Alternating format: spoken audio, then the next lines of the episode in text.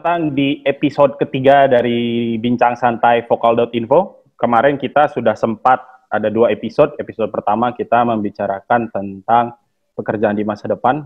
Waktu itu kita ada Bang Noir, ada Bang Jeffrey, ada Michael juga hadir bersama-sama kita untuk mendiskusikan tentang pekerjaan masa depan. Kemarin ada episode kedua kita membicarakan tentang masalah lingkungan pada saat ini. Sumber, narasumbernya waktu itu Christian Natali Uh, dia salah satu aktivis lingkungan yang sudah cukup lama berkecimpung di dunia lingkungan dan sekarang kita kedatangan tamu baru namanya Dominic Niki Farizal yang biasa dipanggil Niki ya. Uh, Niki ini adalah peneliti di CSIS yang kalau kita lihat dari profilnya di CSIS itu ada dia fokus ke beberapa hal. Latar belakang pendidikannya memang hukum tapi kemudian uh, isu isu yang Niki pelajari ini berkembang ke beberapa hal lain. Nah, kita pengen tahu dulu nih dari Niki yang udah berapa tahun nih di CSIS nih? Uh, halo semuanya, sapa dulu lah buat teman-teman. Siap, semuanya. siap. Ya, uh, selamat siang ya ini mungkin ya menjelang siang. menjelang makan siang udah selesai. Uh, aku di di CSIS itu 2017 masuk uh, sepulang dari uh, Skotlandia ya sih itu. Hmm. Gitu Bang, mungkin kira-kira. Itu waktu di Skotlandia kuliah S2 lah. ya? Kuliah S2 ya? Uh, ya, S2 lagi itu. Waktu itu jurusannya apa tuh? Jurusannya itu namanya itu Strategic Studies, uh, hmm. kajian strategis. Hmm. Uh, kekhususannya yang aku ambil waktu itu itu mengenai apa namanya unconventional warfare. Okay. Uh, eh, fokusnya di apa namanya? Fokusnya itu di counter insurgensi ya. Seperti itu. Ah, oke okay, oke. Okay. Kan S1 S2 juga sempat sempat hukum ya? Uh, hukum Unpar kan ya? Sempat, hukum, sempat hukum.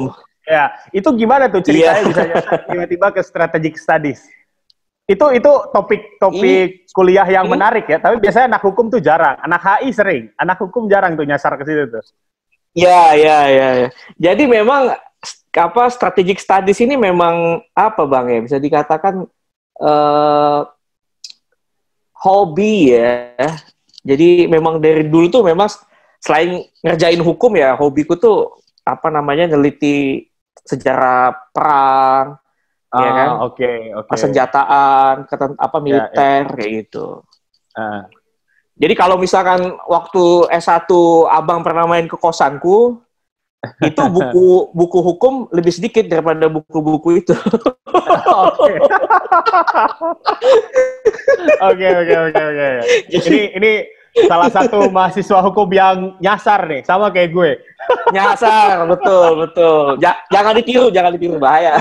jangan kayak gue lah. Beneran, beneran. Padahal kalau, kalau misalkan, eh? kalau misalkan gue diundang ya, misalkan ya, entah kapan lah, hmm. sharing ke mahasiswa hukum yang maba-maba yang baru lah, ya. Ya, ya, ya. Justru gue tuh nggak bisa sharing itu. Soalnya bukan contoh yang baik. aduh, aduh kocak ya. Nah, tapi tapi ini menarik nih. Lu kan S1 hukum, terus sempat ah. S2 hukum. Biasanya kan orang-orang yang udah fokus ke S2 hukum, biasanya hmm. jalurnya ya di situ-situ aja gitu. Akhirnya yang memutuskan lo, udah gue ambil S2, strategic ah. studies, pelajari soal warfare gitu. Yeah, itu yeah. pemicunya apa tuh? Yang akhirnya udah deh gue nggak akan berkarir di bidang hukum, gue di bidang uh, strategic studies, ilmu politik dan lain-lainnya ini yang yang pertama memang agak bengkok dikit aku emang. itu dulu. Nah, memang gini, Bang. Um, jadi uh, kalau misalkan uh, jadi dalam ilmu hukum sendiri, jadi ilmu hukum itu ada ada pertemuan dengan ilmu strategiknya itu ada yang namanya itu lawfare, hmm. perang instrumen hukum. Okay. Nah ini memang jarang dikaji di Indonesia menurutku. Tapi di luar eh, instrumen hukum yang menjadi alat perang ini ini malahan uh, lebih efektif untuk perang uh, tidak menggunakan uh, kinetik atau non kinetik ya uh, peluru hmm, hmm. kayak gitu. Jadi hmm. dia menjatuhkan yang namanya uh, suatu kebijakan suatu negara atau pemerintah. Hmm. Namanya lawfare. Nah, ini memang memang uh, uh, ke depan wah kayaknya menarik juga nih kalau misalkan aku belajar ilmu strategi nih, hmm. uh, kayak gitu aja. Oke, okay. eh, maksudnya tuh uh, perang lewat instrumen hukum tuh maksudnya kayak seperti misalnya nih ya, ada beberapa hmm. uh, embargo dari WTO, embargo dari Amerika lewat kebijakannya mereka atau atau, atau yang lain atau biasanya kan hukum di satu negara ya berlakunya di situ aja kan sesuai hukum positif. Nah, misalkan kayak gini nih, yang paling sering menggunakan ini perang kayak gini tuh Israel, Palestina, Amerika hmm. sama lalu uh, Bang Basar ini uh, apa namanya dia beli senjata beli senjata untuk mm -hmm. uh, di zona perang lah di wilayah Palestina. Lalu uh, gua melihat wah ini bahaya nih kalau kapal itu jadi nganter dari Inggris misalkan eh dari Rusia misalkan ke ke wilayah Palestina artinya kan makin jadi ini apa namanya pertempuran antara Israel dengan Palestina misalkan ya. Hmm. Nah, lalu cara mencegahnya gimana? Kalau misalkan gue serang kapalnya abang, itu kan masalahnya ke ke mana-mana, ya enggak? Hmm, hmm. Ya, ya, Bisa ya. jadi misalkan kapal itu registernya oleh bendera Rusia, berarti kan akan bermasalah dengan Rusia, ya hmm. enggak? Lalu kalau kapal itu meledak di wilayah lautnya Yunani akan bermasalah juga dengan Yunani, ya enggak? Ya, nah, ya. Uh, maka kan dipilih, dipilih begini, bagaimana aku membatalkan itu gitu, supaya nggak nyampe. Nah, dicarilah instrumen hukum yang bisa menggagalkan itu. Caranya gimana? ya udah biasanya kan kalau pembelian kayak gitu kan dengan kapal ada asuransinya hmm. Nah asuransinya itu yang digugat di pengadilan lalu ketika pengadilan ah. lihat ada klausul itu udah dibatalin ya berarti kan perusahaan kapal nggak akan jalan nggak mau berani jalan nggak ada asuransinya ah iya iya gitu. nah kayak, kayak gitulah simpelnya salah satunya okay. skema hukumnya kayak gitu oke oke okay, okay. nah dari dari studi strategic studies dengan warfare dengan counter insurgency ini itu uh, semua itu sempat uh, lu teliti nggak di CSIS? Jadi uh, uh, apa namanya? Cek cek. Sorry ini cek. Kayaknya suara lu putus-putus deh. Halo, iya. Oke iya, oke. Okay. Ya. Uh, Mas kedengeran? Kedengeran kedengeran. Cuma ya? tadi sempat keputus. Ya ya. ya oke. Okay. Ah, jadi di CSIS aku lebih banyak ngurusin hukum sekarang, Bang daripada ngurusin perang. Oh gitu. Oke. jadi jadi bolak-balik ya. Maksud hati nyasar balik lagi ya. Oke oke oke oke oke. Makanya. ya ya udah ya akhirnya ya ke, ya aku sekarang lebih banyak ngurusin soal kebijakan hukum, tata kelola hukum. Mm -hmm. Selama uh, pemerintahan Pak Jokowi ini gitu daripada hmm, apa okay. ngurusin aspek uh, perang strategi dan sebagainya kayak gitu. Jadi akhirnya malah kepake S1 S2 aja ya S1 S2, S2 hukum S2, ya. S2. Ya makanya kadang-kadang ilmu strategi ini ya dipakai buat ini aja kalau misalkan nulis-nulis artikel atau uh, okay. ya artikel op-ed gitu ya. Ya adalah ah. aku sisipin istilah-istilah strategiknya. Oh, oke okay, oke. Okay. Biar gitu canggih ya, aja. ya, biar canggih ya. iya. Biar enak dibacanya. udah itu aja. Terus uh, sekarang udah udah tiga tahun ya uh, di CSIS yang akhirnya malah balik lagi ke soal kebijakan hukum iya. uh, hmm. dan lain-lainnya. Sebenarnya dari uh, riset yang ada di CSIS terkait kebijakan hukum itu beberapa publikasinya tentang apa aja nih? Uh, jadi kan kalau misal hmm, kalau anggap COVID ini ya, suasana uh, apa namanya pandemi COVID ini itu mm-hmm. aku neliti soal bagaimana uh, kebijakan-kebijakan hukumnya Pak Jokowi ini ini menarik banget bang. Untuk pertama begini, misalkan contoh tentang peraturan pemerintah PSBB, ya, mm-hmm. itu kan sebenarnya uh, undang-undang karantina wilayah kan udah lama sebenarnya dari tahun 2018 Betul. kalau tidak salah. Tapi ya. tapi sengaja PP-nya itu baru setelah ada kejadian begini baru dibuat gitu. Nah ini kan kebiasaan kebiasaan kita kan, kebiasaan ya, ya.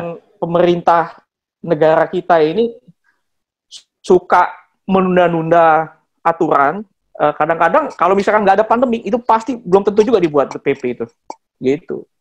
Betul betul betul. Jadi ya. memang ada ada tren juga gitu bahwa uh, di Indonesia ini kalau mau bikin undang-undang nggak nggak tuntas yang terjadi kayak sekarang ini gitu loh.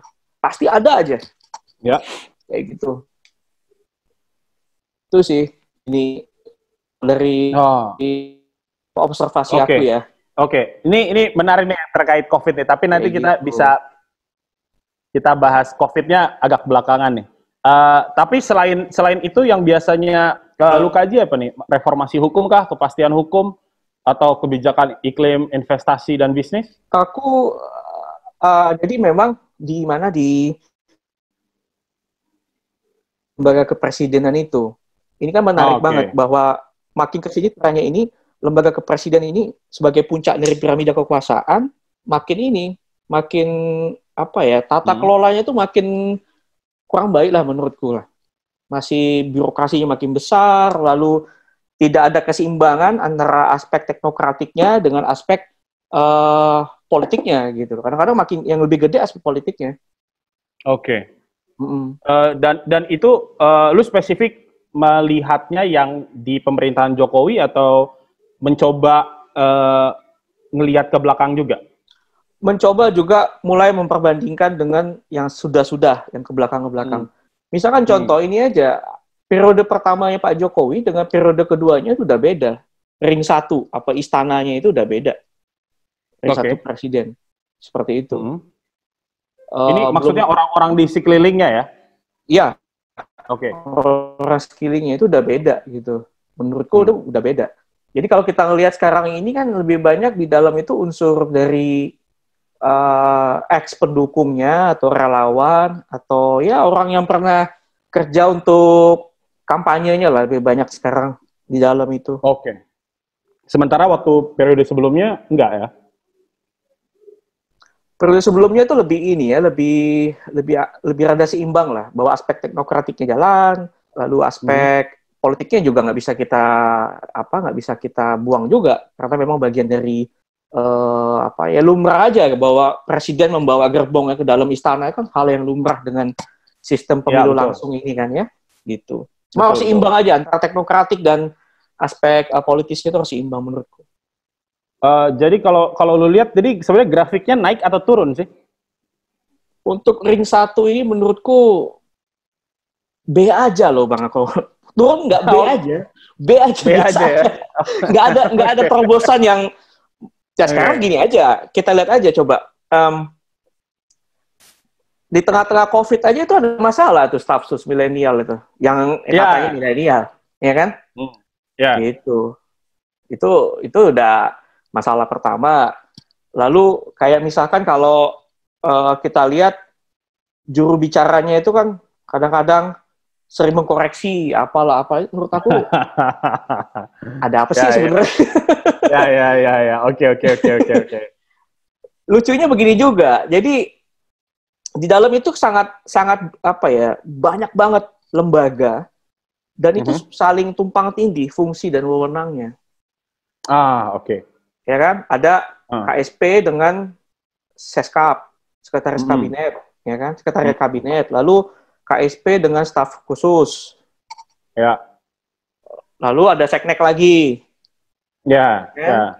Lalu ada lagi namanya Watin Press. Ya, ya, ya. Iya kan? ya. Penuh, penuh banget. Makanya ini menurutku bahaya gitu loh. Makin banyak pintu ke meja presiden ini makin peluang akan terjadi konflik of interest ini makin tinggi menurutku. Makanya harus ditata di, di ring satu ini itu harus tata. Tapi tapi kan ini kondisi yang sebenarnya udah berlangsung sekian lama ya Nick ya.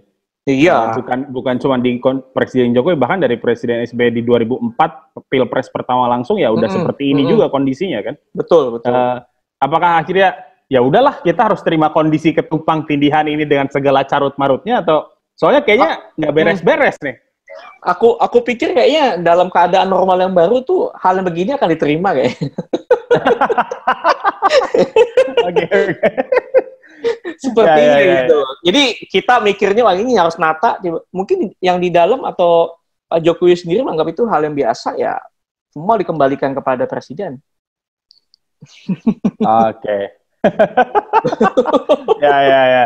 Ini ini memang mau nggak mau masalah carut marut ini ya jadi perhatian lah. Ya. Soalnya kayak kalau kita sambung-sambungin ke COVID ya misalnya. Ingat nggak hmm. di hari-hari pertama tuh ya? Oh iya iya makanya. Dat dari yang simple aja, data itu uh -huh. Kemenkes beda, yang ini beda, yang itu beda, yang lain punya data, Pemda punya data sendiri. Ya ampun. Ini dua hari dua hari yang lalu pun juga orang bingung juga, Bang. Boleh mudik yeah. sama nggak boleh mudik. Lalu yeah.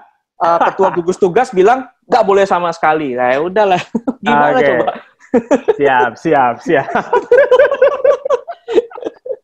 Aduh. Emang, aku emang aku khawatirnya begini, Bang. Aku khawatirnya eh. itu ini kekhawatiranku aja bahwa nanti itu uh, kita itu nggak takut sama pandeminya, kita takut hmm. pemerintah ini nggak bisa mengendalikan keadaan. Okay. Yang itu okay, yang ditakuti. Okay, okay. Gitu. ya, ya. Nah, ini ini ini ini bakal menarik untuk terkait spesifik masalah COVID berhubung lu tahu ngerti dari segi kebijakan sama dari strategic studies ya. Tapi itu nanti akan topik terakhir ya. Ah ya, boleh, boleh. Ya, ya. itu jadi topik terakhir kita nih. Nah, yeah. ini iya, iya. hmm. Nah, sekarang kita masuk ke yang bagian keduanya nih. Jadi kalau menurut lo dari semua carut marut ini, hmm. kita kan nggak mungkin lah ya mau ngubah semua tuh nggak mungkin. Pasti hmm. ada ada friksinya, ada pertentangannya di dalam. Nah, tapi pasti ada yang bisa kita ubah. Nah, gue waktu itu sempat baca tuh buku yang judulnya One ya, bahwa ketika kita melakukan satu perubahan kecil aja, mm-hmm. nanti akan ada efek dominonya tuh, karena dia bisa mm-hmm. berdampak pada hal-hal yang lebih besar. Nah, menurut tuh yang satu diubah dan kemudian bisa berdampak ke hal-hal lain yang akhirnya carut marut ini beres apa? Aku pikir sekarang warga negaranya sih yang harus lebih aktif sih, citizenship, citizenship citizenship-nya ini yang harus kita gerakkan kembali sih bang, menurutku misalkan contoh, aku aku ambil contoh yang kontekstual aja ya bang ya soal ya, ya. COVID ini ya. Ini kan hmm. kalau misalkan dari dari uh, perspektif keluarga negara, kalau menurutku itu sekarang yang dampak paling uh, paling nyata tuh kan di akar rumput nih bang, hmm. ya kan? Aku aku berpikir kita harus mulai dari skala kecil ya di URT dan di RW ini, di, warga negara ini bisa melakukan apa gitu loh. Okay. Sebab kalau kita ber apa namanya ber bergantung kepada negara terus wah repot. Oke. Okay. Pasti, pasti pasti akan banyak kecewanya percayalah. oh ya ya. Jadi lo lo ini ya, lo libertarian sekali ya. Iya. Kayaknya keadaan memaksa gue seperti itu kayak. siap, siap. itu itu satu ya bang ya. Kedua, uh, uh, ya. ke depan kalau aku melihat dari carut marut yang ada, kita itu akan lebih uh, apa namanya, hmm, mulai akan memberikan masukan-masukan yang uh, membangun, lalu mengawasi jalannya tata kelola pemerintahan itu di level kecil-kecil ini kayak misalkan kota atau kabupaten. Oke. Okay. Mainnya di situ sekarang. Jadi bagaimana misalkan kota uh, warga kota X itu benar-benar mendorong supaya uh, kapasitas kepemimpinan uh, pengelolaan kota X ini benar-benar mumpuni gitu. Jadi kita akan bermain lebih banyak di situ ke depan nanti. Oke. Nah, ini dari yang pertama nih ya, kalau ya. bilang citizenship jangan jangan tergantung dengan pemerintah itu. Gue suka lah ide libertarian seperti ini, tapi yang jadi masalah adalah hmm? kita ini sebagai warga itu diminta pajak terus, nih. ya nggak mau nggak mau akhirnya kita iya, minta yeah, yeah. gue udah ngasih pajak nih kok lu nggak ada bantuan yang ke gue gitu makanya harusnya kalau kita disuruh mandiri jangan bayar pajak kan gitu ya makanya makanya kita berempat ini kita tahu konsep pajak ya kan? Makanya kita bisa nuntut kan? Iyo nah, makanya yang ya, makanya ide-ide seperti ini menurutku tuh memang harus disampaikan lah di level uh, apa namanya uh, yang kecil-kecil lah komunitas yang kecil-kecil gitu. Misalnya komunitasnya Bang Basar, Bang Basar ini kan bisa bagaimana membangun uh, keluargaan yang baik gitu loh, mulai seperti itu. Lalu dari keluargaan ini bagaimana kita mulai memelihara kota, kabupaten. Menurutku ya. di situ sekarang bang. Okay. Arah situ kelihatan. Jadi uh, apa ya ke lokal leader jatuhnya nanti. Kita akan bagaimana jadi, mengefektifkan leadership tuh di ranah lokal. Jadi nggak ada nggak ada dikit-dikit semua salah Jokowi lagi ya? Iya, menurutku seperti itu. Contoh nih. Eh, semangat uh, gue semangat. misalkan contoh, misalkan uh, ya Bandung lah misalkan. Aku lama ya. di Bandung kan ya. Kan bagaimana ketika warga ini bayar pajak di Bandung ya kan? Kita hmm. kan bisa menuntut tata kelola kota Bandung menjadi lebih baik. Oke. Okay. Ya, ya, ya. Dari tata apa istilahnya itu tata ruangnya, hmm. kebersihan, keamanan, kenyamanan dan sebagainya.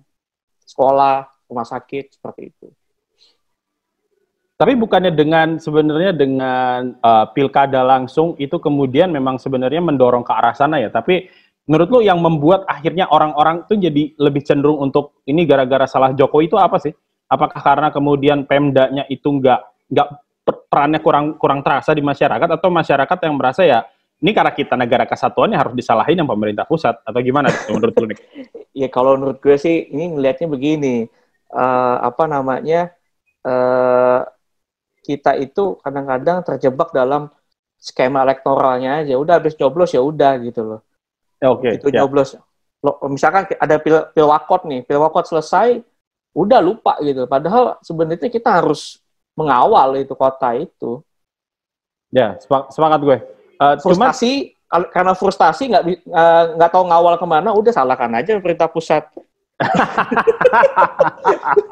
ya, ya itu itu itu itu jalan keluar paling gampang ya selain paling gampang kayak gitu tapi coba aku aku ikut ya ngobrol nih iya. jadi kan siap, siap, siap.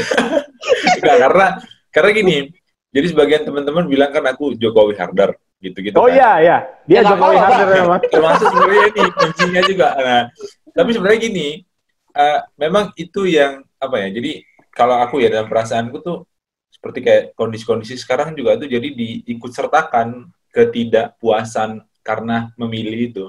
Jadi hmm. karena yang dipilih kalah, jadi akhirnya yang menang itu terus disalah-salahkan. Jadi misalnya kayak pertumbuhan ekonomi yang kuartal kemarin masih naik meskipun melambat, itu disalahin hmm. itu datanya salah, ininya salah, padahal datanya terbuka loh gitu kan. Nah, jadi yeah, yeah, yeah. kadang gemes juga lihatnya. Maksudnya gini, mau kalau kritik artinya kritiknya yang cerdas lah gitu kan, kira-kira gitu. Meskipun memang tidak ada pemerintahan yang benar-benar nggak ada cacatnya, pasti ada cacatnya gitu kan. Itu ya. sih kalau dari aku. Kerasa banget, Pak Bleket. Kalau gitu, abang salah kota tinggalnya. salah kota ya. Cari yang menang telak, Bang. Oh, cari yang menang telak ya. Nggak, tapi tapi memang menarik tadi yang bilang bahwa apa memang pemerintahan ini juga perlu dikritisi artinya dalam bahasa tadi mengawal ya perlu kita kawal hmm. bahwa apa aja kebijakan yang perlu kita apa kita lihat mana ini dampaknya positif apa lebih banyak yang bermanfaat atau tidak gitu untuk masyarakat kira-kira begitu kan hmm. jadi memang kayak seperti sekarang ini kan pemerintahan Pak Jokowi kan itu sedang apa ya bagaimana mengelola isu COVID ini supaya masyarakat tetap tenang tidak resah supaya tidak gaduh kan itu kan nah ya, ya. tapi untuk mengelola itu memang kan itu butuh energi yang luar biasa Betul, nah ini ya. menurutmu gimana nih apa nih karena masyarakat di bawah itu selalu berpikir masyarakat kelas menengah bilang bahwa yang kena COVID itu yang benar-benar terdampak itu orang-orang yang menengah ke bawah yang miskin banget katanya gitu kan. Tapi kan kita nggak bisa selamatkan semuanya. Artinya ini sekarang yang diperhadapkan adalah kita mau selamatkan bangsa ini dengan cara yang represif atau kita akan membiarkan bangsa ini musnah. Kalau aku ya maksudnya berpikirnya sampai sejauh itu menurutmu gimana? Iya, sebenarnya itu menarik bang. Jadi pas kapan itu tuh uh, juru bicara presiden itu kan entah salah nge-tweet atau instruksinya sepertinya itu tapi akhirnya diralat. Ada hmm. ngomong begini, kalau dia bilang soal kedaruratan sipil. Hmm. Uh, Bang Fajrul tuh pernah tweet itu kalau nggak salah, tapi udah diralat lalu dibetulkan lagi narasinya bahwa apabila PSBB ini gagal, mungkin ada skema darurat sipil gitu, keadaan bahaya lah. Hmm ya bisa ya kalau menurutku tuh itu itu udah apa namanya putus apa keputusan paling akhir banget lah soalnya itu berat banget bang kalau kita sampai ke dalam posisi itu itu berat bang hmm. karena semua itu akan terjadi itu yang tadi kan gini penanganan pandemi itu itu butuh transparansi data transparansi ya. informasi ya, informasi betul. dibuka seluas-luasnya biar warga negara itu tahu mau ngapain hmm. ya kan kalau ya. keadaan bahaya, justru yang terbaliknya disensor semua informasi. Iya, iya. Betul. Semua ada di otoritas. Jadi otoritas yang ngasih informasi. Nah, ini juga bertolak belakang dengan penanganan COVID. Kayak gitu. Iya, iya. Menurutku ya, kalau kita konteksnya COVID. Hmm. Jadi kalau represif itu menurutku em, itu bisa untuk kasus-kasus ini, Bang. Kasus-kasus kriminalitas. Nah, itu emang harus menurutku Harus represif ya. represif. Karena apa? Ya gila aja gitu loh. Kita apa eh, di rumah semua, lalu akses eh, bahan makanan sedikit, lalu kriminalitas meningkat kan repot kalau kita mengakses itu. Makanya memang Kantipmas ini harus digalakan untuk menjaga betul eh, distribusi makanan pokok atau bahan bahan pokok ini gitu dari kriminalitas. Karena kriminalitas ini makin makin tinggi sekarang. Iya, iya. Ya. Kalau kalau kalau menurut nih daerah mana yang sekarang itu nggak usah ngomongin covid lah, ya, daerah yang memang eh, dia bisa memberdayakan masyarakatnya paling tidak ke level yang pro- masuk akal lah dan baik gitu. Sempurna sih pasti enggak. Tapi Mhm. menurut lu ada nggak daerah yang seperti itu? Kalau menurutku sih, aku nggak tahu kalau misalkan di desa ya. Sebenarnya itu kadang-kadang eh, desa ini kan menurutku kan semua eh, berjalan dengan seperti biasa di desa. Petani, paling akses ini lah, akses bagaimana menjualnya ini kan yang yang rada bermasalah sekarang. Hmm. Lalu misalkan kemarin diumumkan ada ada gejala krisis pangan. Tapi Ya. kalau berapa kalau kita lihat di eh, pemberitaan dan sebagainya, oh, justru pangan tuh berlimpah tapi nggak bisa dijual. Ah, oke oke. Iya kan? Nah ini ya. i- menurutku nih eh, penting sekali ini menjaga wilayah-wilayah yang menjadi pemasok eh, makanan pokok atau pangan untuk warga negara ini menurutku. Ini bahaya Oke. juga kalau misalkan petani kena COVID atau nelayan kena COVID, nah, selesai kita bang. Hmm, oke. Nah, ini udah deh. Kita kita kita bahas COVID aja nih ya. mumpung mumpung pakar strategic studies kita ini ada sekarang. Nah, kalau menurut lu nih Nick, Hmm. dari dari ilmu yang udah lu dapet dari strategic studies, sebenarnya pendekatan-pendekatan strategis dan taktikalnya pemerintah sekarang itu sudah di arah yang tepat atau belum? aku aku jadi gini eh kalau kita runtut ya 11 11 Maret itu kalau nggak salah WHO mengumumkan pandemi Ya. kalau nggak salah lalu 13 Maretnya Pak Jokowi membentuk eh, gugus tugas Gugus tugas, ya. ya kan lalu dan seterusnya ada yang namanya eh, keputusan bencana non alam Ya. lalu ada eh, PP soal eh, apa namanya itu PP soal PSBB ya. Ya. lalu soal bagaimana penetapan dan sebagainya sebenarnya ini memang gagap di awal kita abang-abang Oke. sekalian gitu loh padahal di tahun 2019 jauh sebelum covid lah jauh sebelum covid itu ada impres Impres Presiden nomor, nomor aku lupa nomornya tapi 2019 ini bagaimana Presiden menginstruksikan segenap kementeriannya dan lembaga yang terkait ini untuk preparedness preparedness untuk salah satunya pandemi. Oke. Tapi begitu kena pandemi justru nguap begitu aja impres itu. Ah, oke. kan harusnya ya kalau presiden ngasih instruksi seperti itu eh ya kementerian udah udah siap gitu loh. Begitu kasus Ah. satu, dua, tiga dan seterusnya gitu. Kan ini yang terjadi enggak. Dan sampai hari ini pun menurutku di level atas pun masih ada ini, masih ada miskomunikasi dan miskoordinasi gitu loh. Oke. Dua, dua tiga hari lalu kita saksiin gitu bagaimana Menteri Perhubungan bilang apa, lalu di revisi lagi, lalu Ketua gugus, gugus tugas bilang nggak bisa, nggak boleh. Kok Ya, bisa itu- gitu loh? Itu itu terkait ojek online ya. Jadi eh, Menkes bilangnya hanya untuk ngangkut barang, keluar Hmm. Permenhub yang boleh ngangkut orang, terus akhirnya bingung lah itu semua orang. Jadinya boleh ngangkut barang atau Iya, ngangkut makanya. orang. makanya makanya gini loh. Apa ya? Aku tuh bingung. Sebenarnya kita tuh prioritas kita apa sih? Kesehatan masyarakat nomor satu atau ekonomi nomor duanya? Hmm. Nah Hmm. ini mencoba mencoba melihatnya kayaknya nih, aduh kalau bisa ekonomi juga juga di ini deh, juga di bagaimana dikedepankan, wah. Jadinya begitu modelnya, tabrakan sana Oke. sini. Oke. uh, banyak banyak mungkin yang ngebela bahwa ini kondisi ini nggak pernah dihadapi sama sekali. Hmm. Uh, ya kan, jadi akhirnya wajar lah kalau pemerintah mencoba beradaptasi dan akhirnya tergagap-gagap. Tapi hmm. kalau menurut lo tuh ya, pemerintah itu wajar nggak sih tergagap-gagap kondisinya seperti ini, meskipun nggak pernah ada pengalaman ya? Kalau boleh kritik, aku minta izin dulu sama Bang Basar ini.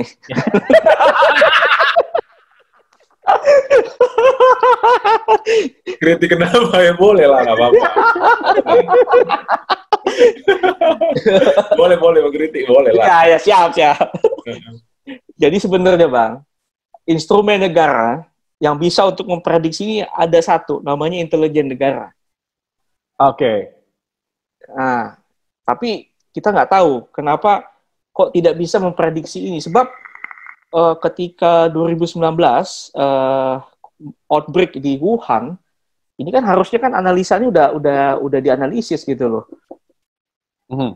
One day ini akan sampai uh, di wilayah Indonesia, nggak hanya di uh, Tiongkok aja gitu loh. Tapi kan ini nggak nggak nggak ini gitu, nggak nggak apa nggak terjadi. Yang terjadi sekarang kegagapan ini gitu. Okay. Dan gejala ini juga terjadi di negara-negara yang cukup maju gitu. Hmm. Jadi menurut lu malah maju gitu hmm? malah malah peran intelijen menjadi penting ya. Jadi kalau di di undang-undang kesehatan itu ada yang hmm. dinamakan surveillance kesehatan. Justru ini instrumen yang menurutku lebih penting lagi untuk memonitor pandemi. Oke, dan itu tanggung jawab dari lembaga-lembaga intelijen termasuk BIN gitu ya? Termasuk BIN. Jadi okay. ada surveillance kesehatan ini di bawah Kementerian Kesehatan. Okay. Harusnya uh, apa fungsi surveillance kesehatan ini lebih berperan gitu ketika pandemi uh, ketika terjadi wabah di Tiongkok lalu mm -hmm. uh, harus diestimasi gitu bahwa ini bisa sampai ke Indonesia suatu saat nanti gitu. Tapi kan ini nggak terjadi. Seperti dan itu. memang sebenarnya kaget ya gitu. Apa? Baru perasaan baru kemarin di Wuhan. Tiba-tiba yeah. udah di Indonesia gitu. Jadi uh. ada terus orang panik belanja segala macem ini barang-barang jadi akhirnya langka termasuk masker ya. Gitu kan. ya, ya, tapi ya, ya. yang lain-lain. Jadi akhirnya kita seperti yang gagap gitu. Padahal harusnya intelijen harusnya berperan lebih dulu untuk masuk ke sana ya lihat ya harusnya hmm. begitu ya tapi harusnya lebih, lebih bisa ngasih ada, analisis ya ke iya, Pemda ke ya. ke pemerintah ini hati-hati nih bawahnya akan terjadi dan sejenisnya lah tapi menurutku ini gejala bukan hanya Indonesia di luar di negeri negara ya sama Nah, tapi biasanya nih ya, kalau ada orang-orang yang kemudian memberikan informasi seperti itu, nanti disangkanya alarmis tuh, nih. Ah, lu fear mongering lu, lu nakut-takutin orang lu kerjanya. itu, lu, malah sampai ya Menteri Kesehatan kita kan udah enjoy aja gitu kan, hidup sehat. Ya benar sih. Iya, iya, iya. Hidup yeah. sehat, gue sepakat harus hidup sehat dan lain yeah, sebagainya. Yeah, Cuman yeah. kan akhirnya jadi satu dikira fear mongering, satu underestimate banget. Jadi kan ekstrim ya pendekatannya ya. Sebenarnya kan inilah inilah kadang-kadang kita di era digital itu yang menyebabkan banjir informasi gitu. Seharusnya kan informasi-informasi ya. sensitif ini cuma sampai di meja pembuat kebijakan. Tapi ah. kadang-kadang kan is, orang ini kadang-kadang ada iseng, ada apa, eh jangan bilang-bilang ya, ini ada info. Ya udah nyebar lah. aduh, aduh. kan seharusnya kan info informasi yang benar-benar classified atau informasi yang yeah. benar-benar sangat terbatas dan khusus untuk pembuat kebijakan ini nggak boleh bocor. Ya, ya, ya, ya. Ya kan? Ya. Nah, nanti jadi jadi menurut menurut lu hmm? juga transparansi itu ada batasnya ya? Ada batasnya juga gitu loh. Ya. Oke okay lah, beginilah bang. Mungkin informasi yang berasal dari uh, lembaga yang memang mengestimasi adanya uh, ancaman, hmm? itu ngasih informasi yang benar-benar uh, bukan apa ya istilahnya itu khusus untuk membuat kebijakan. Lalu pembuat kebijakan harus bisa memformulasikan informasi itu menjadi informasi yang bisa diterima oleh publik, bukan informasi hmm. yang sama gitu loh. Harus di, dikelola di apa narasinya harus di benar-benar di di apa diperbaiki, di dicocokkan dengan kontekstual kontekstual lapangan sehingga Eh, nggak uh, nimbulkan panik juga nggak jadi par paranoid juga gitu. Nah, Oke. Okay. Nah, kalau nah, kalau ngelihat kondisi sekarang nih ya dengan hmm. dengan kegagapan pemerintah, mereka salah mengolah informasi menjadi data yang paling tidak narasinya tepat untuk masyarakat. Ini kira-kira hmm. Risiko dari dari sisi strategik tuh risiko apa nih yang paling besar saat ini? Apa yang akan mungkin terjadi? Risikonya ini bisa jadi kan uh, kan kalau misalkan oke okay, orang di dirumahkan semuanya, di karantina rumah semua. Kalau misalkan informasinya nggak tepat, orang kan akan akan apa ya panik ya, takut hmm. makanannya nggak ada, gue udah dirumahin tapi makanan nggak ada gitu kan. Lalu hmm. lebih parah lagi uh, teman-teman yang uh, apa namanya pekerjaannya terancam nih gara-gara gara-gara uh, pandemi di rumah kan. Ya. Nah ini kan harus di dikaji gitu loh bahwa ketika kita PSBB uh, teman-teman yang uh, pekerjaannya ini riskan, uh, risikonya tinggi akan PHK, layoff dan sebagainya ini harus bisa diprediksi gitu. betul bantuan sosial bantuan sosial itu sudah betul menurut sudah tepat. Tapi sekarang pertanyaannya distribusinya tepat belum yang jadi permasalahan sekarang. Hmm. Sekarang berarti distribusi bisa dibilang belum tepat lah ya? Ya kalau kulihat sih masih belum terkoordinir dengan baik sih ya kelihatannya ya. Oke. Okay. Hmm. Uh Nah kita nih nah, udah ngelihat nih. Aku aku ngelihat ini oh, bang. Ya. Buat nambahin hmm. tadi kasus di Korea Selatan. Korea Selatan hmm. itu nyaris um, apa ya longgar lah ininya. Apa PSBB itu longgar ya. uh, apa ya um, oh, ya social distancingnya ada lalu memang beberapa tempat emang ditutup tapi -hmm. yang mhm. membedakannya adalah satu mereka membuka akses sebesar-besarnya soal informasi. Jadi informasi itu benar-benar dikemas. Ini loh informasi dari kita soal data, soal dan sebagainya. Bagaimana seharusnya publik bertindak dan sebagainya. Jadi warga negara itu siap. Tuh. Yang kedua okay. uh, eh, apa ya uh, otoritas publiknya juga siap juga untuk apa untuk untuk di bidang kesehatan ya terutama ya tuh hmm. nah kita ini memang nah. lagi belajar ke sana lah menurutku tapi ya ya mungkin kena dulu baru belajar gitu ya ya atau udah kena nggak belajar belajar juga bisa, bisa ya bisa jadi juga ya bisa dua kemungkinan lah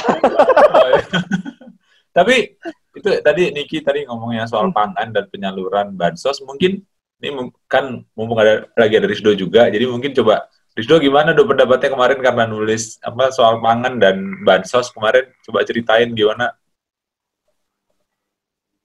ya uh, kalau saya ngeliat sebenarnya sih uh, secara uh, secara kan kalau kemarin kita lihat beberapa liputan-liputan dari soal berita soal uh, apa kebutuhan pangan dan ini sebenarnya kan sebenarnya sampai Mei dan Juni juga sebenarnya masih ya gitu ya. Memang dari sisi kayak beras mungkin surplusnya masih terlalu sedikit kalau untuk di, diambil untuk ini gitu ya. Jadi ada kemungkinan pasti akan mengimpor, tapi maksudnya kasusnya kan sekarang hampir semua negara juga sekarang mengusahakan untuk produksi dalam negerinya sendiri gitu ya. Jadi. Tapi memang kalau saya ngeliat sebenarnya gini, uh, ini ada ada kaitannya juga dengan yang Niki bahas dan yang tadi kita ini gitu. Memang uh, yang membedakan kita dengan negara-negara seperti uh, Tiongkok atau Vietnam gitu ya, yang uh, otoritas publiknya tinggi, yang tidak peduli dengan suara orang gitu ya, tidak peduli dengan mereka mau dipilih lagi atau enggak gitu, karena mereka masih dipilih lagi gitu, karena mereka nggak akan dipilih gitu ya, tapi gitu. Atau dengan negara seperti Korea Selatan, Taiwan dan Jepang yang sosial pressure-nya sangat tinggi gitu ya. Jadi sebagai satu komunal mereka sangat kuat untuk saling mendukung gitu kan dan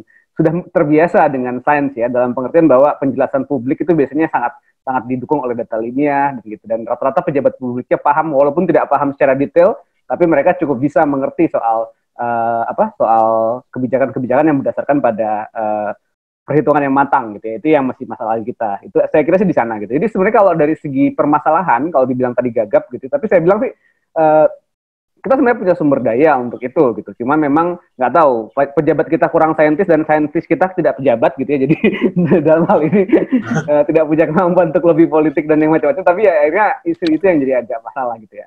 Nah kalau dari segi yang Bang Basat tanya soal pangan dan ini sebenarnya sejauh ini sih kalau yang kita lihat dari pemberitaan dan produksi gitu ya memang cukup uh, masih ada gitu. Tapi yang seperti Niki sorot tadi memang mungkin nggak merata distribusinya gitu kan. Nah, yang menjamin distribusi itu merata kan memang harusnya satu kebijakan publik yang jelas gitu ya dan uh, transparan datanya gitu. Tapi memang ya itu uh, tidak semua orang juga siap dengan data yang apa adanya gitu kan, data yang ini gitu ya dan uh, dilandasi pada permasalahan ilmiah gitu. Saya, saya saya bisa melihat kenapa akhirnya negara-negara yang sangat kuat otoritas pemerintahannya bisa sangat uh, berani untuk melakukan langkah-langkah yang sangat ekstrim ya. Lockdown di Cina saya kira bukan sesuatu yang mudah gitu dan sangat sangat ketat sekali gitu kan. Di zaman dan bukan cuma kali ini aja mereka pernah ngalamin waktu zamannya SARS waktu zamannya itu mereka juga masih seperti itu gitu ya. Uh, hmm. juga di negara-negara yang uh, kuat uh, otoritas pemerintahan jadi nggak terlalu peduli. Nah mungkin nggak tahu juga ya Niki mungkin saya juga mau nanya ke Niki gitu ya. Dibandingkan negara-negara yang sangat uh, sangat demokratis dan yang sangat individualis kayak Amerika atau negara-negara Eropa gitu kan ada kendala juga sebenarnya untuk mengatur perilaku warga gitu ya. Kita lihat kan beberapa hmm. kali kan di di Amerika di mana itu kan sering ada demo yang menolak PSBB-nya lah mereka ya gitu. Iya, iya, iya. gitu, gitu. Sampai kesusahan juga gitu pegawai apa petugas medis sampai beberapa kali kita. Uh, uh. Gitu. Nah, saya ngeliat sebenarnya itu mungkin kita nggak punya dua-duanya, kita nggak punya pemerintahan yang tidak peduli bakal dipilih atau enggak, kita juga nggak punya social pressure yang bagus untuk menahan disiplin masyarakat. Gitu. Tapi kan setidaknya uh, ada yang bisa kita pelajari ya karena kita dari tahun 45 memilih jalan demokrasi gitu ya bukan jalan untuk memakmurkan dulu gitu. Tapi kita milih jalan demokrasi ya mungkin ini jadi kendala lain gitu ya karena yeah, yeah. karena kan case-nya kalau Indonesia sebenarnya kan negara kepulauan ya kalau kita ngelihat case-nya. Itu kan kalau sebenarnya pakai sistem yang otoritarian kan bisa gitu ya. Begitu ada pandemi itu langsung aja ditutup beberapa akses gitu kan. Nah langsung ini. Tapi kan ya kayaknya nggak kita nggak bisa seperti itu gitu. Terlalu banyak pertimbangan pertimbangan lain gitu. Nah saya nggak tahu. Nah kalau yang bang Basar tanya tadi soal pangan memang sejauh ini sih nggak ada masalah ya dalam hasil uh, produksinya. Tapi dalam distribusi ya itu masalah lain gitu. Cara cadangan ya, memang, kita cukup memang kemarin tuh pendistribusiannya memang kalau yang kita lihat memang itu agak kurang apa kurang terkoordinasi dengan baik lah karena memang data di kelurahan itu tidak update katanya. Jadi jadi yang nerima itu memang masih data lama beberapa. Ini kita dapetin masukan ini dari data ini kita dapetnya dari teman-teman yang komen di sosial media. Jadi uh, apa memang apa ya ini yang jadi PR ya mungkin jadi kayak pengupdatean data mungkin harus terus dilakukan ya. Ini jadi PR untuk apa ya pemerintah daerah ya kira-kira gitu. Jadi kasihan memang teman-teman yang harusnya dapat jadi mereka nggak dapat jadi yang dapat ini justru orang-orang yang secara ekonomi sudah kelas menengah tapi mereka dapat gitu loh. Nah ini kan hmm. nggak fair juga kira-kira gitu sih. Nah ini sebenarnya bang soal hmm data dan sebagainya ini sebenarnya kan memang sudah ada yang namanya kebijakan satu data. Mm-hmm. Di periode lalu tuh udah ada kebijakan satu data. Cuman ya inilah, kalau misalkan kebijakan ini sudah efektif berjalan, sudah sedemikian rupa berjalan lah, sudah hampir seluruh uh, bisa akses itu, sebenarnya apa miss-miss yang model kayak tadi abang bilang itu sebenarnya udah bisa diminimalisasi sebenarnya Cuman ya yang terjadi sekarang kan memang kebijakan ini kan belum belum efektif uh, terimplementasi seluruhan seperti itu. Jadi memang udah ada dulu, bukan dulu sih memang uh, ada perpresnya nggak salah satu data. Nah ini nih yang harusnya ini nih menjadi kunci untuk distribusi pangan, distribusi bantuan sosial dan sejenisnya. Itu, ya, cuman ya, ya begitulah. Kan pemerintah pusat tuh sudah punya BPS ya, bahwa kemudian Jokowi itu, waktu itu sudah memandatkan data itu hanya dari BPS. Jadi nggak ada lagi data Kemendak, data Kemenperin, data-data yang lain. Jadi semua data itu hanya dari BPS. Tapi mungkin karena masih kebiasaan datanya itu tercecer di mana-mana ya akhirnya belum belum bisa dikerucutkan untuk jadi satu data yang valid, kuat gitu ya untuk dijadikan dasar dalam pembuatan kebijakan. Udah setelah sekian lama gitu kan ya. Dulu kan BPS cuma taunya sensus doang kan Nggak ada yeah, yeah, yeah, data-data lain kan. Akhirnya setelah sekarang dipindah semua ke BPS, gagap juga akhirnya. ya, ini sekarang ke depan ini memang sehabis pandemi ini, nggak tahu kapan selesainya, ini aku harap ini kita jadi belajar lah, lesson and learn lah, lesson learn lah dari apa namanya pembelajaran ini bahwa ayolah sekarang uh, ke, apa kebijakan berdasarkan data evidence ya. based dan sebagainya lalu percayalah ya. terhadap uh, ilmu pengetahuan ya kalau hmm. kita boleh jujur ya namanya dana riset kan ya paling kecil lah ya dari dana pensiun ya. gitu ya. paling kecil ya ya ayolah kita gak gara pandemi ini riset ini penting menurutku Iya, ya kan? Betul. Dari segala bidang lah untuk perkembangan uh, sains dan teknologi gitu loh ya kan? Nah, lalu uh, ke depan bahwa uh, leader apa pemimpin-pemimpin ini udah mulai mulai sadar bahwa mungkin mereka bukan leader yang punya aspek teknokratiknya yang kuat gitu. Tapi kan mereka kan hmm. dipilih langsung oleh rakyat, ya kan? Ya. Punya mandat itu, dipilih secara demokratis. Nah, hendaknya itu ke depan uh, mulai menggunakan pengaruhnya gitu loh untuk bagaimana memberikan uh, informasi-informasi yang bisa membangun kesadaran di uh, warga negara gitu.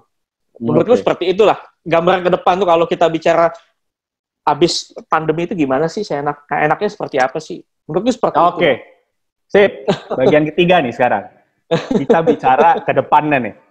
Kita hmm. bicara ke depannya setelah pandemi COVID-19 yang kemarin ada bocoran dari pemerintah, mungkin bulan Juni atau Juli itu udah mulai dibuka bertahap tuh, mulai dari pembelajaran, mulai dari sekolah, hmm. kemudian kantor untuk menggerakkan kembali roda ekonomi. Nah, menurut lu sebenarnya selain bahwa memang kita perlu untuk melakukan data ya, uh, apalagi yang penting? Apakah memang surveillance kesehatan itu menjadi salah satu faktor krusial ya. untuk mengantisipasi atau malah mungkin mencegah atau kemudian hmm. disiapkan dulu kerangka kebijakannya PSBB-nya kah atau nyiapin yang kemarin paling ditakutkan adalah kenapa diambil diambil PSBB karena sebenarnya pemerintah nggak siap kalau karantina wilayah menjamin menjamin makanan semua orang. Betul, betul, ya. betul. Gimana nih? Kalau ya, menurut yang nanti ke depan harus diambil nah, yang mana nih? Ke depan pun ini nggak usah ngomong ke depan bang. Belum dilonggarkan bulan Juni sekarang pun udah longgar. Udah rame ya jalanan. ya, ya, ya, ya, ya. Ini depan rumahku udah kayak seperti biasa aja. Nah, makanya. Gak usah dilonggarkan. Kita udah longgar sendiri gitu. iya, betul. ya, jadi gini, menurutku memang kalau kita lihat dari bicara tata kelola hukum ya. Ya, ya. Belajar dari undang-undang ke, ke apa ke, uh, kedaruratan kesehatan masyarakat ini, ini ke depan ini peraturan pemerintah yang belum dibuat, yang masih menunda, segeralah dibuat secara baik. Sebab kita hmm. nggak hmm. pernah tahu kalau mendapat pendadakan strategik kayak gini gitu loh. Tiba-tiba pandemi aja, tiba-tiba wabah aja. Kita nggak pernah tahu. Ya kan? Ya. ya ada yang percaya ya katanya ini dibuat virusnya nah, gitu. Konspiratif sekali. Ada yang percaya seperti itu dan sebagainya. Kalau menurutku, aku sih lebih percaya dari alam ya. Ya. Dari alam dalam artian ya faktor demografi ini mempengaruhi uh, hidupnya virus-virus yang yang makin mematikan ini gitu loh. Seperti itu. Jadi misalkan contoh, anggaplah um, per, eh, per, perluasan wilayah hunian gitu. Yang tadinya itu nggak menyentuh hutan, lama kelamaan dia bergeser ke hutan, ya kan? Lalu di hutan itu banyak dihuni ya carrier-carrier yang model kelelawar dan sebagainya. Kelelawar itu uh, makan sesuatu lah di hunian itu, entah buah, lalu buahnya itu dimakan oleh uh, apa ternak, ternaknya nular ke manusia. Ini kan faktor demografi menurutku. Mulai-mulai bergeser ke hutan yang menurutku hutan itu um, itu tempat ya kita nggak pernah tahu apa yang disimpan dalam hutan itu gitu, bang. Hmm. Contoh ini ini ini agak berbahaya tuh gini.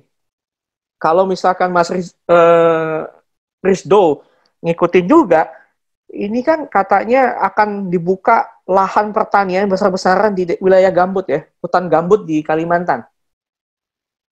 Okay. Ya kan? Nah, ini itu hati-hati juga gitu loh. Kita buka-buka lahan begitu tiba-tiba membangkitkan yang nggak perlu dibangkitkan virus baru lagi. Ya ya ya.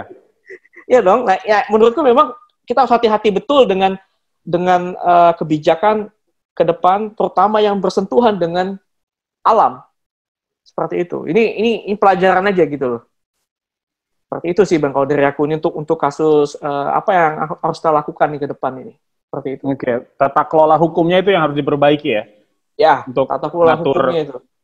Area ini nggak boleh jadi apa, terus kewenangannya harus dibenerin, segala macamnya hmm, dibenerin hmm. dan lain-lain. Uh, kalau kalau gue sih ngelihatnya ya bahwa kemudian yang yang kalau gue berhubung hmm. gue buruh buruh di perusahaan yang yang yang yang yang harus krusial buruh harus pokoknya pokoknya hidup buruh lah hidup buruh uh, hidup, hidup buruh ya. Gak ada buruh gak ada perusahaan menurut gue harus di, yang krusial diperbaiki adalah uh, uh, fundamental ekonominya Indonesia. Jadi ketika nanti kehit lagi seperti ini, itu tuh nggak ada hmm. lagi kepanikan orang-orang beli barang, kekhawatiran orang-orang untuk uh, apa namanya di PHK dan nggak ada kerjaan. Karena kemudian banyak memang uh, perdebatan antara mana yang harus diutamakan, kesehatan masyarakat atau ekonomi. Yang jadi hmm. problem adalah ketika ekonominya jatuh, runtuh, itu akan jadi masalah besar juga. Hmm. Orang bilang, lu kalau kesehatan nggak di nggak di nggak diperhatikan, lu bisa mati. Gara-gara ekonomi nggak makan itu juga bisa mati gitu. Yeah. itu gua ya.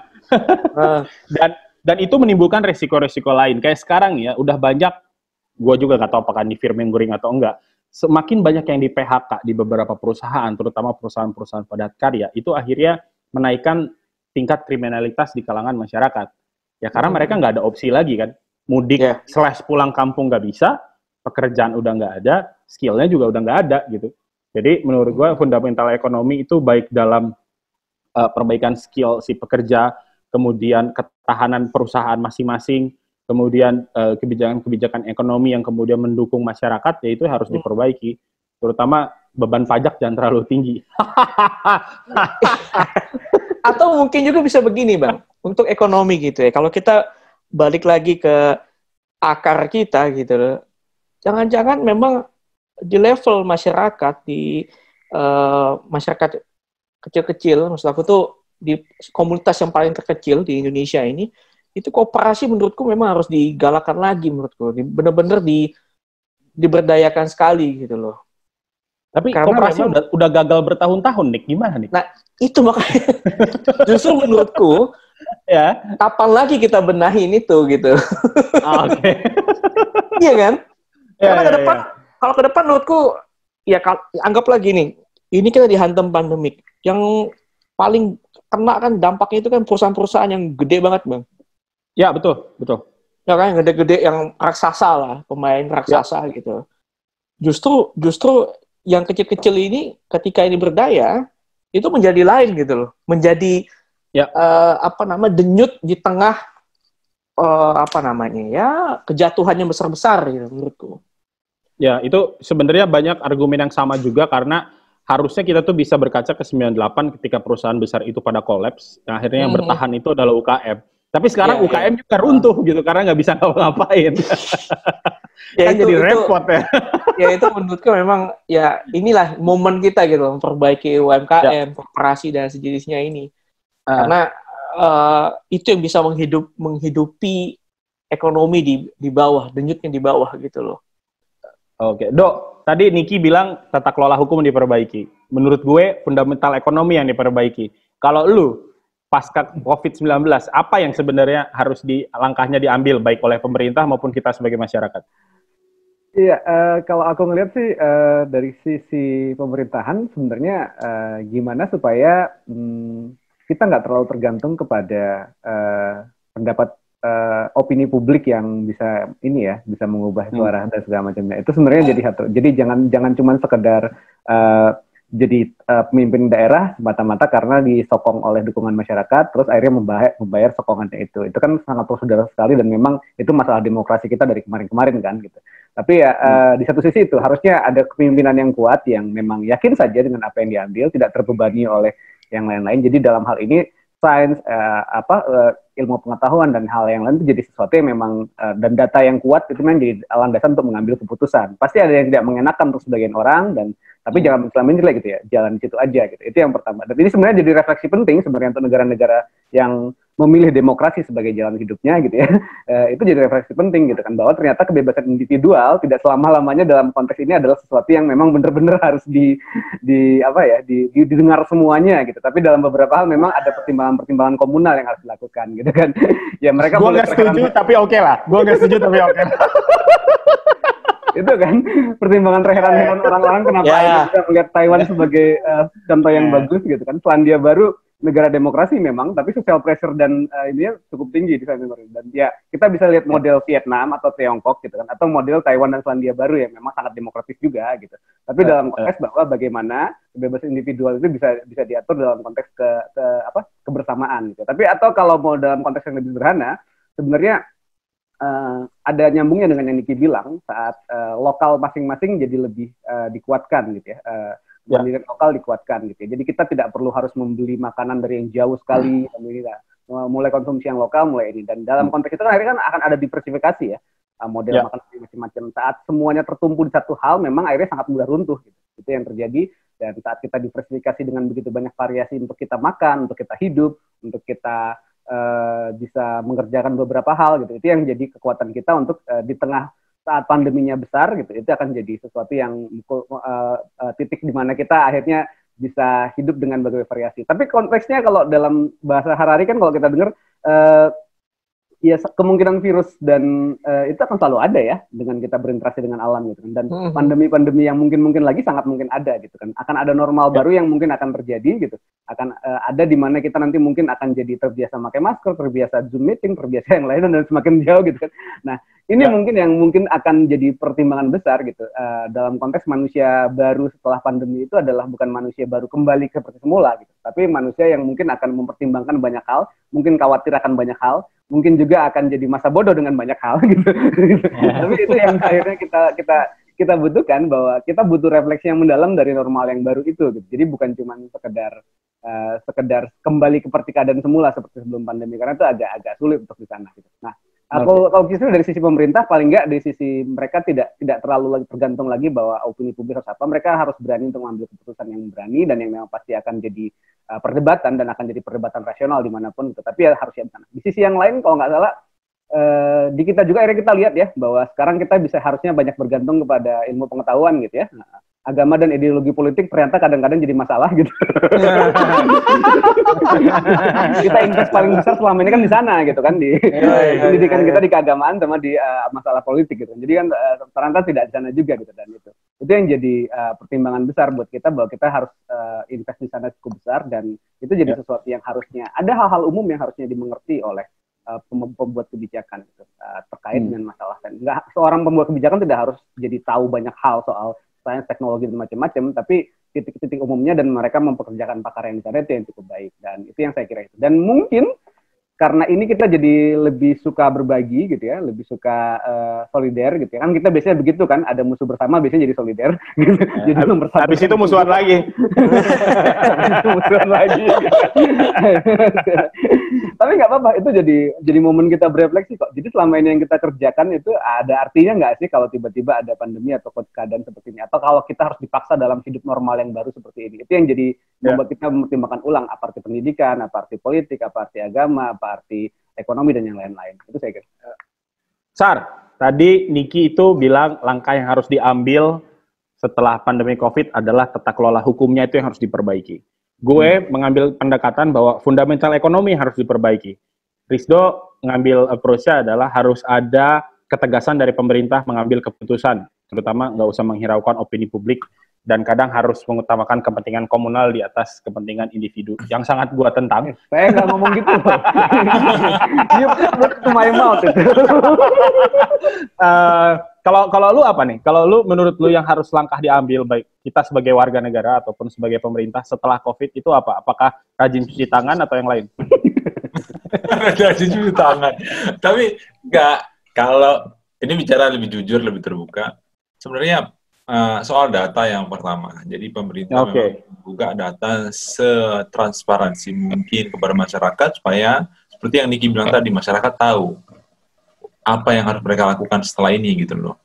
Jadi kita udah punya pertahanan diri sendiri gitu untuk melakukan ini dan itu. Dan kemarin kan Pak Jokowi baru bilang bahwa kita harus siap untuk berjalan beriringan dengan COVID-19. Tapi ya. bukan bukan menyerah.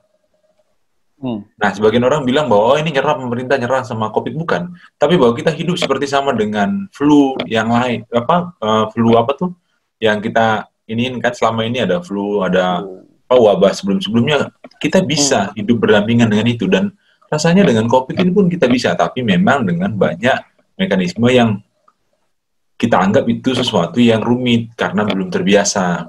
Jadi ya. kan uh, misalnya harus cuci tangan segala macam. Kayak kemarin aku tuh ke pasar ya, jadi di, di depan rumah kami ini pasar. Jadi masyarakat di situ tuh setiap kali mau masuk ke jalan pasar itu dia ada tong di sebelah kanannya, ada tempat cuci tangan, ada sabun segala macam. Dia antri, dia cuci tangan Oh. satu, lalu Hmm. dia masuk, dia belanja terus pulang dia dia cuci tangan juga. Nah ini kan sesuatu yang asing bagi kita sebagai masyarakat Indonesia selama ini kan. Nah Ya. dan sekarang kita mau nggak mau harus melakukan itu. Tapi memang pilihannya kita istilahnya gini, pilihannya lu mau apa enggak atau enggak lu mati nih gitu karena covid kira-kira gitu kan. Hmm. Nah kalau aku ditanya aku mau apa enggak, aku mau melakukan itu. Semua nor- sebuah norma yang baru aku lakukan untuk keberlangsungan manusia berikutnya. Ya. Karena ini persoalan jadi kayak tadi juga di awal aku bilang sama Niki bahwa pemerintah mungkin akan represif melakukan tindakan-tindakan bagi mereka yang memang melanggar aturan-aturan apa COVID-19 ini. Ya karena harus dilakukan karena ini persoalannya nih bangsa ini bisa musnah. Hmm. Pilihannya cuma itu, mau dibiarkan atau bangsa ini musnah. Cuma dua pilihannya. Nah ini kan putusan yang berat, pertimbangan yang berat yang akan dilakukan pemerintah. Tapi mudah-mudahan ini tidak terjadi ya. Ini mudah-mudahan ini cuma di pikiran kita aja. Ya kan, ya, ya, ya. Dan Aku Ya, aku pun juga juga berpikir ya moga-moga yang apa opsi darurat sipil ataupun darurat militer lebih parah lagi itu tidak Waduh. pernah akan disetujui. Bahaya. Ya, iya. Soalnya kemarin Gua kan akan dari garis depan gua menentang. betul. Jadi kita harus bayangkan bahwa nanti ini peradaban kita sebagai bangsa, sebagai manusia di bumi ini yang kita pertaruhkan gitu loh. Nah, Ya, artinya ya. kita harus belajar bagaimana kalau orang Jawa bilang nerimo, artinya kita belajar menerima kondisi ini, tapi kita tidak menyerah, kita tetap melakukan langkah-langkah yang preventif untuk menjaga kesehatan kita dan juga menjaga keberlangsungan kita sebagai manusia Indonesia. Ya. Gitu sih. Siap, siap. Oke, kita udah satu jam nih teman-teman. Jadi eh, tadi Oke. udah bahas bahas soal banyak hal dan terutama porsi paling besar adalah kita bahas so- soal COVID-19 dan apa yang nanti langkah selanjutnya kita ambil. Udah ada beberapa catatan penting eh, mulai dari tata kelola hukum, fundamental ekonomi, soal ketegasan pemerintah dalam mengambil keputusan hingga termasuk dalam transparansi data itu mungkin hal-hal penting yang memang nantinya harus kita soroti terus kalau bahasanya Niki harus kita kawal supaya kita memastikan Ya, betul. Kita harus dikawal. ya kan? Betul. harus dikawal memastikan bahwa kalaupun ada lagi seperti ini kita udah siap dan nggak tergagap-gagap. Eh, jadi terima kasih teman-teman udah hadir di diskusi siang ini eh, di episode ketiga Thank ini you, thank you. bersama Thank you, Niki. thank you, Ki. Thank you, Uh, Dodo. Thank you, Yok. Vokal nanti akan hadir lagi dengan diskusi-diskusi selanjutnya di minggu-minggu mendatang eh, dengan disku- topik-topik yang baru dengan teman-teman yang baru juga untuk hadir. Eh, tetap stay tune di channel Vokal di YouTube ya. Alamatnya apa, Sar? Vokal channel. Vokal channel ya. Oke. Iya. Jangan lupa eh, subscribe dan ketik eh, lambang bel supaya dapat notifikasi untuk video baru. Terima kasih teman-teman. Selamat siang. Thank you. Thank you.